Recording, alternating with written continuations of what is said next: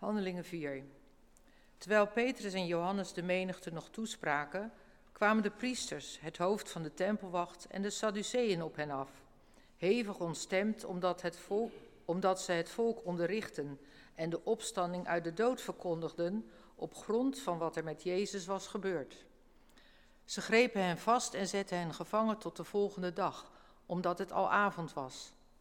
Maar van degenen die naar de toespraak hadden geluisterd, bekeerden velen zich, zodat het aantal gelovigen aangroeide tot ongeveer 5000. En vanaf vers 23. Nadat Petrus en Johannes waren vrijgelaten, gingen ze naar de leerlingen en vertelden wat de hoge priesters en de oudsten hadden gezegd. Toen de leerlingen dat hoorden, riepen ze God eensgezind aan met de woorden: Heer, u hebt de hemel en de aarde en de zee geschapen en alles wat daar leeft. U hebt door de Heilige Geest bij monden van onze voorvader David, uw dienaar, gezegd: Waarom snoeven de volken en beramen de volk, volkstammen zinloze plannen? De koningen van de aarde zijn aangetreden en de heersers spannen samen tegen de Heer en zijn gezalfde. Want inderdaad, in deze stad hebben alle samengespannen tegen Jezus, uw heilige dienaar, die door u is gezalfd. Herodes, Pontius Pilatus, alle volken en ook de stammen van Israël, om datgene te doen waarvan u had bepaald en voorbestemd dat het moest gebeuren. Welnu, Heer, sla ook nu acht op hun dreigementen en stel ons, uw dienaren, in staat om vrijmoedig over uw boodschap te spreken, door ons bij, bij te staan, zodat zieken genezing vinden en er tekenen en wonderen gebeuren in de naam van Jezus, uw heilige dienaar. Toen ze hun gebed beëindigd hadden, begon de plaats waar ze bijeen waren te beven. En alle werden vervuld van de Heilige Geest en spraken vrijmoedig over de boodschap van God. Gemeente, vanmorgen willen we aan de hand van het gedeelte wat we met elkaar hebben gelezen, wat stilstaan bij de gemeente van Jeruzalem. We nemen er een kijkje in. En het, we lezen dan zo de lijnen zoals we dat vanmorgen hebben gelezen. En het kerngedeelte wordt dan vers 29 tot en met 31. Daar lezen we het woord van God als volk. Nu dan, heren, sla acht op hun bedreigingen. Geef uw dienstknechten met alle vrijmoedigheid uw woord te spreken, doordat u uw hand uitstrekt tot genezing. En er tekenen en wonderen gebeuren door de naam van uw heilig kind Jezus. Toen ze gebeden hadden, werd de plaats waar ze bijeen waren bewogen en ze werden allen vervuld met de Heilige Geest en spraken het woord van God met vrijmoedigheid. Vanmorgen wil ik met drie dingetjes even bij u stilstaan. Die gemeente Jeruzalem is een bedreigde gemeente, is een biddende gemeente en wordt een getuigende gemeente. Maar we gaan eerst even kijken naar het begin. Handelingen 4. Petrus en Johannes die zijn bezig om het evangelie te verkondigen. In het hoofdstuk ervoor is een man die verlamd was en die altijd aan de schone poort zat van de tempel genezen. Die man was verlamd vanaf zijn geboorte. Hij was al meer dan 40 jaar oud. En hij bedelde altijd zo bij die schone poort. Daar had hij zo gezegd zijn vaste stek. Hij was zo in de loop van de decennia uitgegroeid tot de, ja, zeg maar een soort meubelstuk bij die uh, schone poort. Iedereen kende hem, want daar zat hij altijd. Dat was een vaste stek. En wat zien de mensen nu? Petrus en Johannes die gingen naar de tempel. Toen heeft Petrus gezegd, in de naam van Jezus sta op en wandel. Er is dus een machtig wonder gebeurd voor die man. Als je 40 jaar nooit hebt kunnen lopen en je kunt in één keer lopen, dan staat er ook in hoofdstuk 3 dat hij sprong en hij verheerlijkte God. Ja, geen wonder als je zo'n machtig wonder meemaakt. Maar dat wonder is een aanleiding om het evangelie te brengen. Wonderen en tekenen in de Bijbel vinden we regelmatig, ook in het Nieuwe Testament. Voor degene die het ontvangen is het natuurlijk machtig, maar het heeft nog een groter doel. Het gaat niet om die wonderen en die tekenen in de eerste plaats, maar het gaat erom dat ze een bevestiging zijn van de evangelieverkondiging. Daar komen we straks wel op. Nou, Petrus en Johannes die zijn hier dus uh, bezig, ze brengen het evangelie en dan worden ze gearresteerd. Dan zeg je, ja, Wat, wat is dat nou? Nou, we lezen het. Hè? De, de priesters, de bevelhebber van de tempelwacht en de Sadduceeën kwamen op hen af, geërgerd. Omdat ze het volk onderwezen en in Jezus de opstanding uit de doden verkondigden. Ze sloegen de handen aan hen, dus ze werden gearresteerd. Dus hij nou kijkt, dan zegt hij, hey, wie gaan nou eigenlijk Petrus en Johannes arresteren? Dat zijn de geestelijke leiders van het volk. We zeggen, hoe kan dat nou? Die geestelijke leiders van het volk, die kenden toch de Tenach, het Oude Testament. Ze wisten toch van de beloften die in het Oude Testament staan, wat betreft de komst van de Messias. En als ze die belofte op een rijtje zouden zetten en ze zouden ze afvinken, dan zouden ze iedere keer zeggen, ja, hé, hey, die belofte is vervuld in Jezus. Maar op dit moment zien wij dus dat ze geërgerd zijn, omdat de boodschap over Jezus Christus wordt gebracht. En laten we nou heel eerlijk zijn, er is geen betere boodschap dan dat. Vergeving van zonde, vrede met God en eeuwig leven. Wat wij zondige mensen mogen ontvangen dankzij het offer van de Heer Jezus Christus. En hier zien we toch die geestelijke leiders van Israël, ze zijn geërgerd. En het verbaast ons. Maar het gebeurt.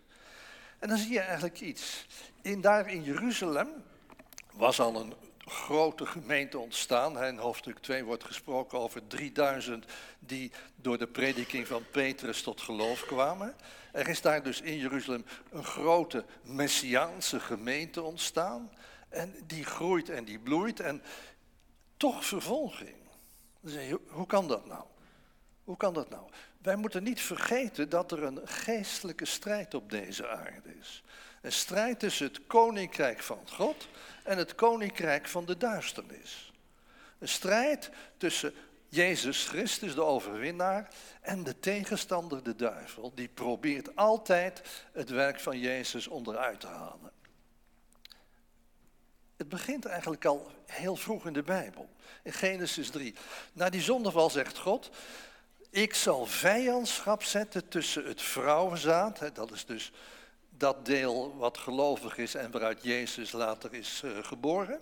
Ik zal vijandschap zetten tussen het vrouwenzaad en het slangenzaad. Het, dat de vrouwenzaad zal je de kop vermorzelen, je zult het, de verzen de, de hiel vermorzelen. Maar we zien sinds Genesis 3 dat daar die geestelijke strijd is. Of we het leuk vinden of niet, maar het is zo. En dat zal zijn tot aan de wederkomst van Jezus Christus. Alleen, Jezus heeft alle macht in de hemel en op aarde en hij heeft gezegd, de poorten van de hel zullen mijn gemeente niet overweldigen. En hij heeft erbij gezegd, ik ben met je elke dag. Maar dat neemt dus niet weg dat er een geestelijke strijd is. En dat zie je ook hier in dit gedeelte. Maar dan zie je ook in vers 4 een heel positief iets. Eerst kijken we naar het negatieve dat ze gearresteerd worden omdat ze de boodschap van Jezus brengen. En dan staat er in vers 4, velen van hen die het woord gehoord hadden geloofden en het aantal mannen werd ongeveer 5000. Dus ondanks het feit van de vervolging door de leiding, de geestelijke leiding van Israël, groeit de gemeente. Zo'n 5000 mannen. Dus dan worden de vrouwen, kinderen niet meegerekend. En dan gaan we verder. Dan worden ze dus gearresteerd. En in dat stuk tussen vers 5 en vers 22 worden ze verhoord door het Sanhedrin. En het Sanhedrin kan niks vinden om ze verder te arresteren en in de gevangenis te stoppen. Maar ze gaan hen bedreigen. Jullie mogen niet meer spreken in de naam van Jezus. Moet je nagaan. Als dat zou gebeuren, dat op een gegeven moment hier in Nederland de regering besluit om te zeggen, je mag niet meer spreken in de naam van Jezus. Wij kunnen ons dat niet voorstellen. Maar ga naar China. Daar zie je dat die dingen wel gebeuren. Dat mensen gearresteerd worden als ze spreken over Jezus, de gekruisigde. Een aantal jaren geleden ben ik met Open Doors naar China en Noord-Korea geweest. En daar hadden we ook op een gegeven moment in Beijing contact met een oude predikant. Hij was toen 84, ik weet niet of hij nu nog leeft. Maar de goede man was dus een predikant. Hij bracht de boodschap van Jezus. Hij werd gearresteerd, heeft twintig jaar in een werkkamp gezeten. Waarom? Omdat hij de boodschap van Jezus bracht. Dan denk je zo. Dat is een hele andere situatie dan die wij kennen. Maar als deze man dan vertelde dat hij dus s'avonds naar de rand van het kamp ging en altijd twee liederen zong. Hij zegt, want ik was in een werkkamp zonder enige christen. Hij zei, er was, er was geen privacy, maar s'avonds ging ik naar helemaal de rand van het kamp. Hij zei, dan zong ik twee liederen. Het eerste was, de Heer is mijn herder. En het tweede was, op die heuvel daar ginds stond een ruw houten kruis. Hij zegt, zo hield ik me als het ware in, in het lied vast aan Jezus en aan zijn offer. Goed, ik zou er nog heel veel over kunnen vertellen, mooie dingen die hij vertelde, maar dan wordt het allemaal veel te lang. En, maar het gaat er even om, hey, wij kennen dat gelukkig niet, maar andere delen van de wereld is het uh, heel anders. Hier hebben we de vrijheid om het evangelie te brengen. Het probleem is bij ons in het Westen dat heel veel mensen denken het evangelie niet nodig te hebben.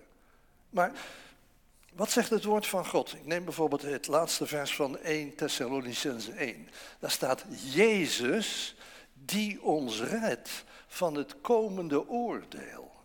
Met andere woorden, er komt een oordeel over de mensheid. En er is één persoon die ons wil redden van dat oordeel. En dat is Jezus Christus.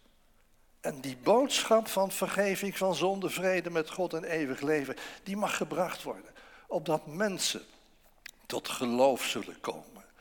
En soms zie je dat mensen die uit de goot komen, eigenlijk een, een, een hele diep iets in zich hebben van die liefde van Jezus voor hen en die liefde voor Jezus door hen. Ik heb misschien de vorige keer wel eens verteld we gaan, mijn vrouw en ik, regelmatig naar Zuid-Afrika en daar zingt zij in gevangenissen.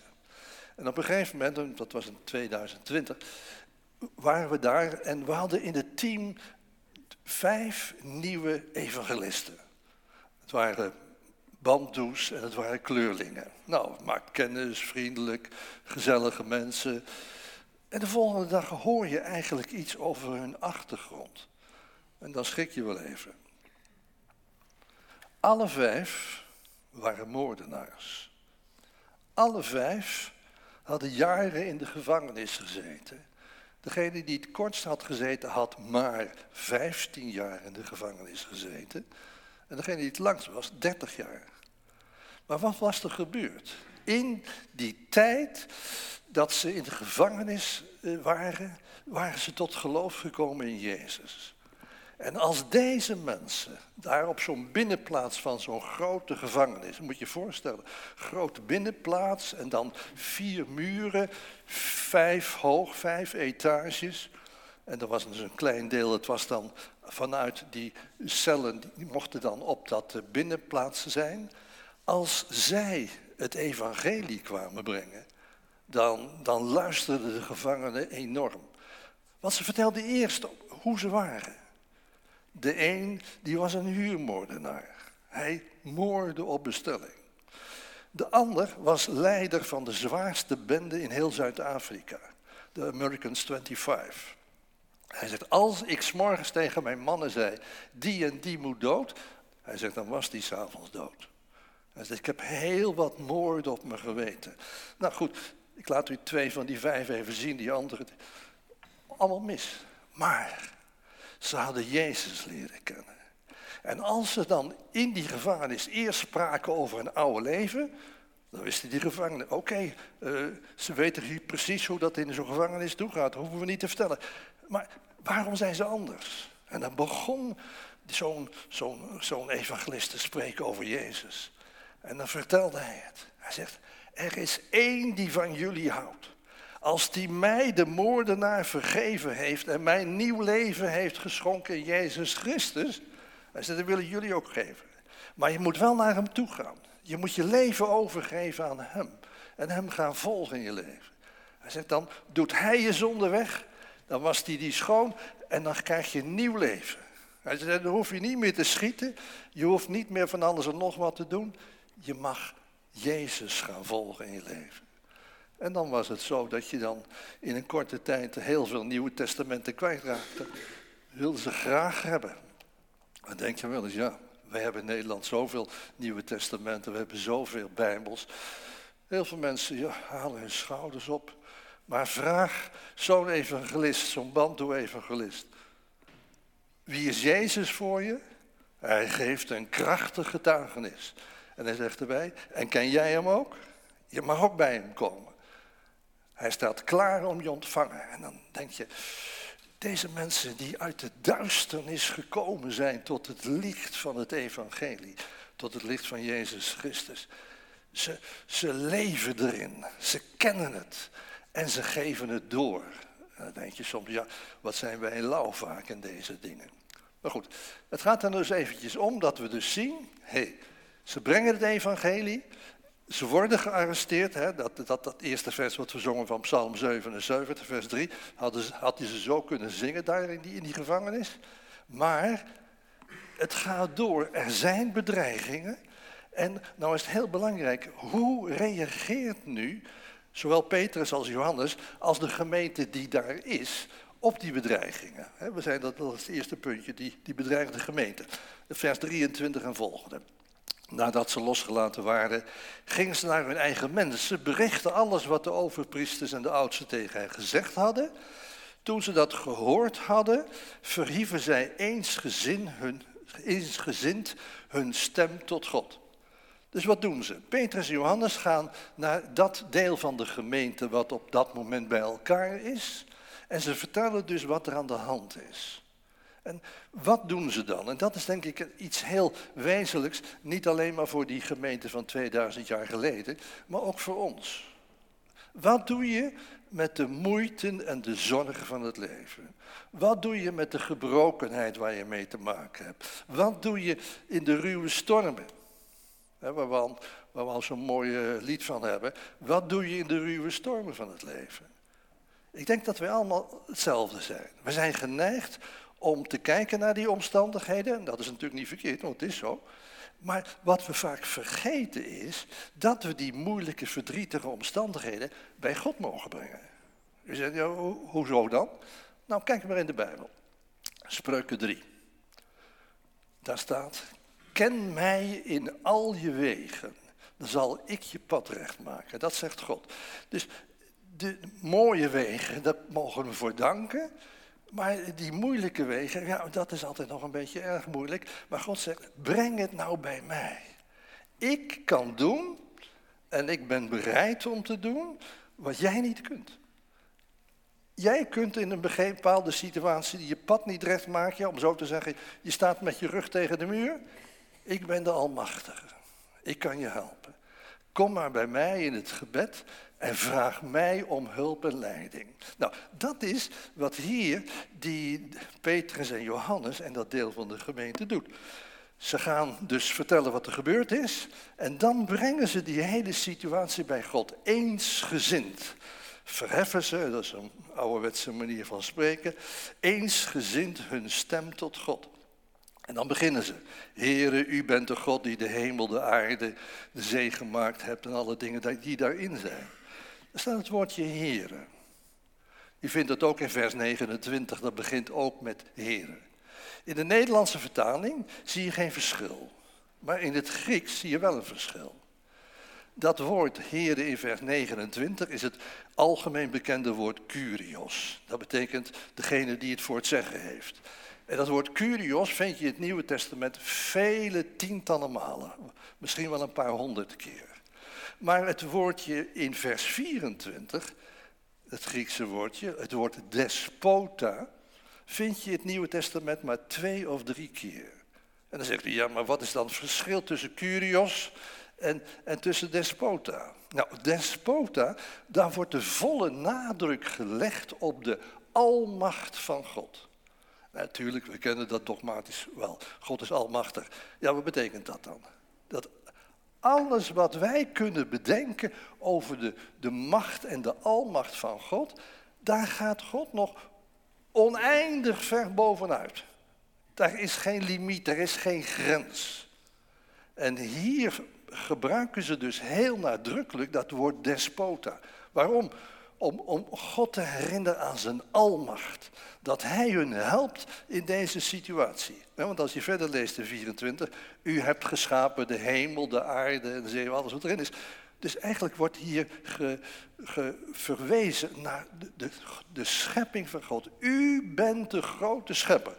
Nou, wat lezen we in Genesis? Hoe schiep God? God sprak en het was er. Dat is ook heel indrukwekkend. Hè? Wij spreken vaak en er gebeurt niks. Maar God sprak als de despota, als de schepper, en de dingen gebeurden. Nou, hier herinneren de gelovigen die daar zijn, u bent de grote despota. Wij staan met de rug tegen de muur, maar u kunt helpen. En we doen een beroep op uw almacht. Zo zijn ze bezig en zo beginnen ze hun gebed. Dus we zien dat die bedreigde gemeente een, een biddende gemeente wordt. En dat is altijd iets, iets heel belangrijks. Hier zien we dat het zelfs eensgezind gebeurt. Misschien kent u die, die geschiedenis van Spurgeon. Spurgeon was een predikant in Londen in de 19e eeuw. En hij begon met een gemeente van ongeveer 100 kerkgangers. En hij eindigde met een gemeente van rond de 10.000 kerkgangers. Een man die rijk gezegende bediening had. Op een gegeven moment groeide die gemeente dus heel sterk. En er moest een hele nieuwe kerk komen, dat was de tabernakel. En die kon duizenden mensen herbergen. iets van 8000 à 10.000, moet je nagaan vandaag aan de dag. Zou dat uh, heel bijzonder zijn. Maar had, op een gegeven moment was die nieuwe kerk gebouwd. En mensen van buiten Londen hadden erover gehoord en hadden gevraagd aan Spurgeon, uh, als u daar bent, uh, mogen we een keertje langskomen om, om die kerk te bekijken.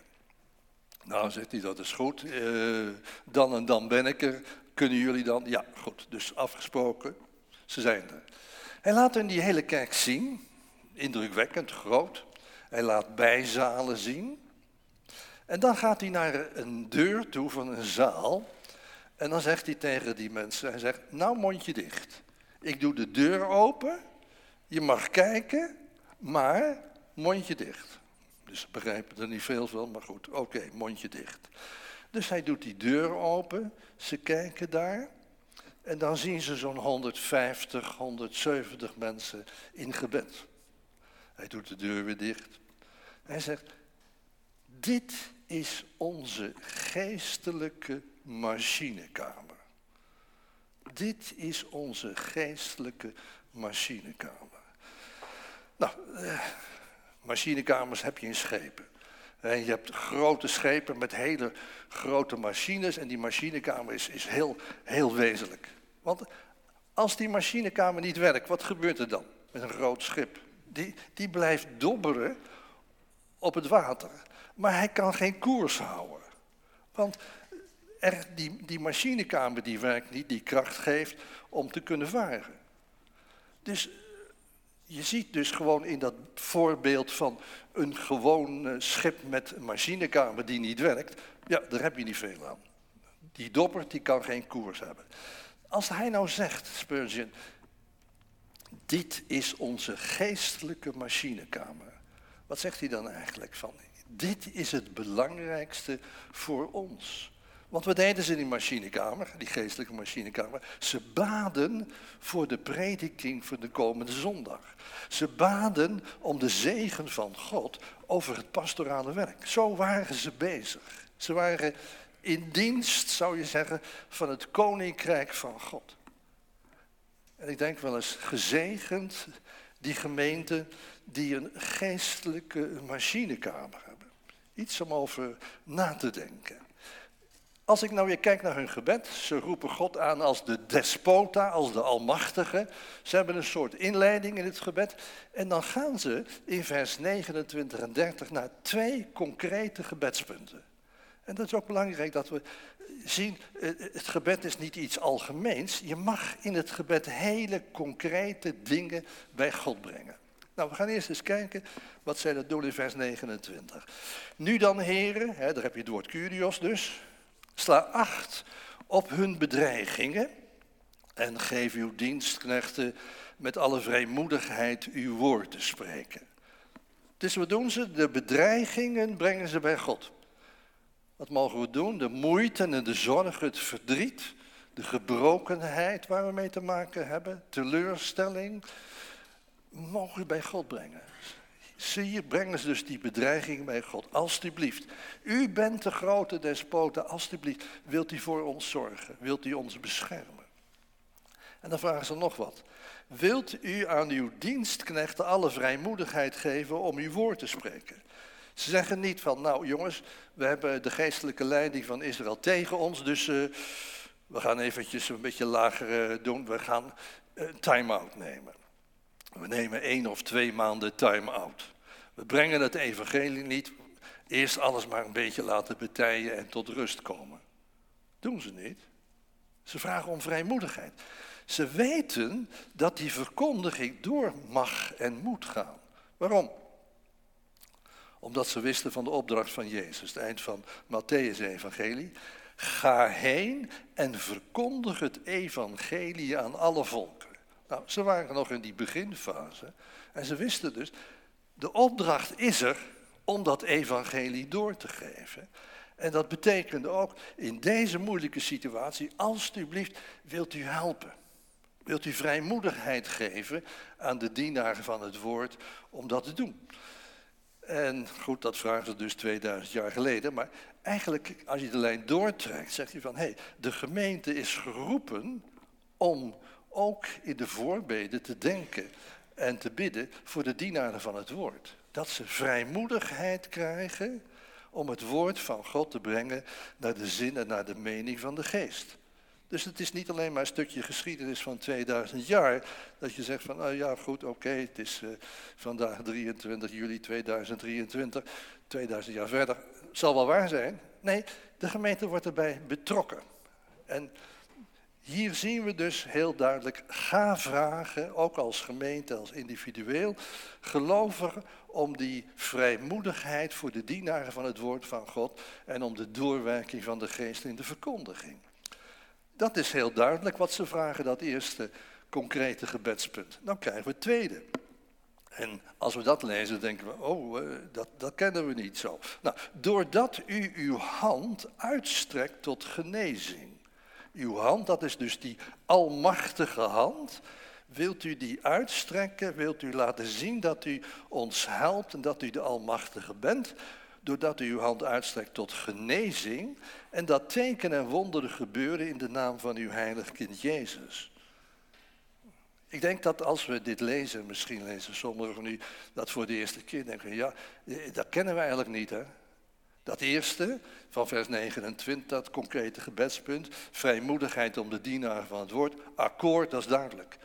Maar die gemeente hier, die gaat verder. En dat is eigenlijk iets wat wij niet zo kennen. En wij zouden zeggen van, ja, kun je dat nou eigenlijk wel vragen? Die gemeente laat het zien dat dat mag.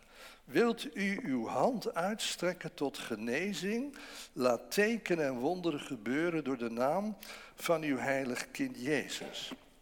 En dan denk ik aan het laatste vers van het Marcus-evangelie. Wat staat daar? De apostelen predikten het woord, God werkte mee en bevestigde het woord met tekenen, met wonderen die daarop volgden.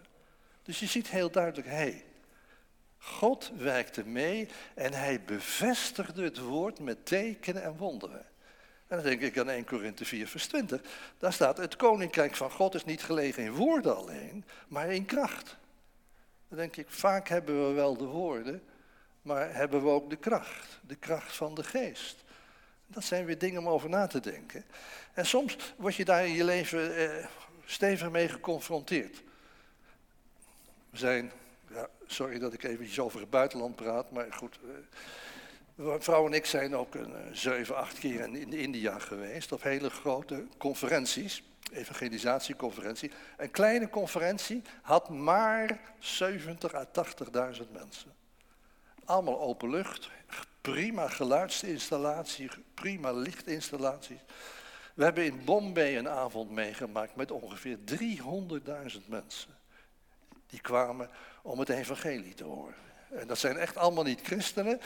Er waren ook heel veel hindoes. Hindoes kun je herkennen, hè? die hebben een, een, een stip zo hier uh, tussen hun ogen iets hoger. Een zwarte stip of een rode stip, een gele stip, een, een groene stip. Daarmee duiden ze aan de, de godheid die ze vereren. Nou, in die grote menigte zag je heel veel van, van de hindoes. Je zag ook heel veel moslims. Hoe kun je die zien? Nou, die hebben allemaal ronde witte petjes. Daar kun je ze aan herkennen. Dus het was een heel geschakeerd publiek wat daar was. En op een van die avonden werd er uh, na de verkondiging, na het zingen, werd ook gebeden, gebeden voor zieken in het algemeen. En de dienst was bijna afgelopen en toen kwam er een echtpaar met een jongen van een jaar of 18 naar voren en ging het podium op. Dus die liep naar de spreker toe. En mogen we wat zeggen? Ja, is goed. Hier is onze zoon, 18 jaar oud, doofstom geboren, dus nooit gehoord en niet kunnen praten. Vanavond, toen er voor zieken gebeden werd, gingen zijn oren open en hij kon spreken. Nou ja, dan sta je wel eventjes, wat, wat gebeurt hier? En zo gebeurden er vele tekenen en wonderen. Op een gegeven moment komt er een jong echtpaar met een babytje. En die gaat naar een evangeliste toe die er ook was, wij kenden haar goed. En die, eh, ze vragen, wilt u bidden voor ons kindje? Ze zegt, eh, hoezo, wat is er met het kindje? Nou, die had een, een voetje wat verkeerd stond. Ik geloof dat ze een klompvoetje nou, dat noemen. Kijk, het voetje staat niet goed, maar wilt u uw Jezus vragen of hij dat wil doen? Toen zegt ze, zijn jullie christenen? Nee, we zijn moslims. Oh, uh, heb je gevraagd aan uh, Mohammed of hij het wilde doen? Ja. Heb je gevraagd aan Allah of hij wilde doen? Ja. Maar ja, het is niet zo. Dus je bent maar eigenlijk uit nood dan maar naar die christenen gegaan. Ja daar komt het op neer. Ze zegt, luister goed. Ik kan niet genezen. Ik kan wel Jezus vragen of hij een wonder wil doen. Of hij doet, weet ik niet. Maar ik kan het wel vragen. Stel je nou eens voor dat hij dat wonder doet. Wil je dan Allah verlaten en wil je dan Jezus gaan volgen? Nou, je zeiden gelijk prompt ja, want ze dachten natuurlijk, nou laat dat kind maar genezen. In ieder geval, er wordt gebeden, kort gebed. En na het amen wordt er gekeken naar het voetje en het staat goed. Ik kan u nog veel meer van dit soort dingen vertellen. Je staat als eh, hervormd predikant gewoon te knarsen met je hervormde hersens. Want zoiets heb je nog nooit meegemaakt. Dan denk je van, hè, wat is dit? Ja, ik lees het in de Bijbel. Ik, ik zie het hier voor mijn neus gebeuren. Nou, ik vertel dat eventjes, dat we dus zien dat ook vandaag aan de dag deze dingen gebeuren. Ook al kennen wij het niet. dus wat ze hier vragen is iets heel concreets. En dan zijn we natuurlijk benieuwd, ja, wat gaat er nou van die twee concrete gebedspunten terechtkomen? Daar, komen we zo meteen op. Eerst vers 31 nog. Toen ze gebeden hadden, werd de plaats waar ze bijeen waren bewogen. Dus er is een hele lichte vorm van een aardbeving geweest. En we lezen dat af en toe in de kerkgeschiedenis dat een enkele keer dit gebeurt. Het is een uitzondering. Een enkele keer gebeurt dat. Als het gebeurt, heeft het altijd te maken met bidders. Ik weet het voorbeeld bijvoorbeeld recent uit de, de opwekking die er was op de Hebriden rond 1950. De Hebriden zijn een eilandengroep aan de noordwestkant van uh, Schotland. daar was dus, waren dus mensen in gebed vlak voordat er een grote opwekking begon. En terwijl ze aan het bidden waren om de doorwerking van de geest, begon dat hele huis te schudden. De kopjes en de schoteltjes, de borden, de pannen. Dus de mensen schrokken zich na. En dan denk je, oké, zo meteen stort het hele huis in. Niets werd beschadigd. Het was een heel apart signaal eigenlijk van God. Ik zie jullie en ik weet jullie gebeden. Nou, hier is net zoiets dus die bedreigde gemeente is een biddende gemeente geworden. Ze vragen concrete dingen. En dan lees ik in het laatste stukje van vers 31. En ze werden allen vervuld met de Heilige Geest en spraken het woord van God met vrijmoedigheid. Moet je nagaan wat er gebeurt. Ze zijn daar. Ze bidden, twee concrete punten. En dan worden ze allemaal vervuld met de Heilige Geest. Zegt eigenlijk, ja, maar wat is dat? Hoe, hoe, weet je dat nou? Hoe, hoe kun je dat nou zien? En dat is natuurlijk een hele goede vraag. Hier zien we eigenlijk in dit laatste stukje van 31 eh, het verband. Vol van de Heilige Geest wil onder andere zeggen het woord van God spreken met vrijmoedigheid. Ja? Vol van de geest wil zeggen het woord van God spreken met vrijmoedigheid. Het wil nog meer zeggen. Dan denk ik aan 2 Korinthe 5. Paulus zegt, de liefde van Jezus dringt mij. Bij de volheid van de geest is daar vrijmoedigheid om het woord van God te spreken. Is daar de liefde van Jezus op een of andere manier in een bepaalde mate. En er is nog wat. Bewogenheid met mensen om ons heen. Dat, dat zie je hier heel duidelijk. Want wat moet ik me voorstellen? Ze zijn daar bijeen. En we lezen in hoofdstuk 5 en in hoofdstuk 3 dat de christenen die kwamen bijeen in de zuilengang van Salomo. Nou, als u wel eens op het grote tempelplein geweest bent, dan is dat helemaal achteraan, aan de kant van de Olijfberg. Daar was de zuilengang van Salomo. In de zevende eeuw na Christus zijn al die zuilen gebroken door een aardbeving. En die hebben daar eeuwenlang op de grond gelegen. Maar daar waren ze. Nou, wat deden ze vanuit die zuilengang van Salomo? Ze gingen dat enorm grote tempelplein op en spraken de mensen aan. Ken je Jezus van Nazareth? Weet je, hoe krijg jij vergeving van zonde? Want je kunt de wet niet houden en ik kan de wet ook niet houden. Maar hoe krijg je vergeving van zonde? Hoe krijg je vrede met God? En zo op die manier gaat dat woord van God vanuit die zuilengang van Salomo naar buiten toe. En dan is weer zo'n ding dat je denkt van, ja, ja, wij kennen dat niet. Nee, we kennen dat niet. Maar kennen we dat ook, dat we weten wat het is om vol te zijn van de geest? Vragen we erom. Jezus zegt, hoeveel te meer zal de hemelse Vader de Heilige Geest geven aan diegenen die hem erom vragen? Kijk, als we er niet om vragen, krijgen we het niet.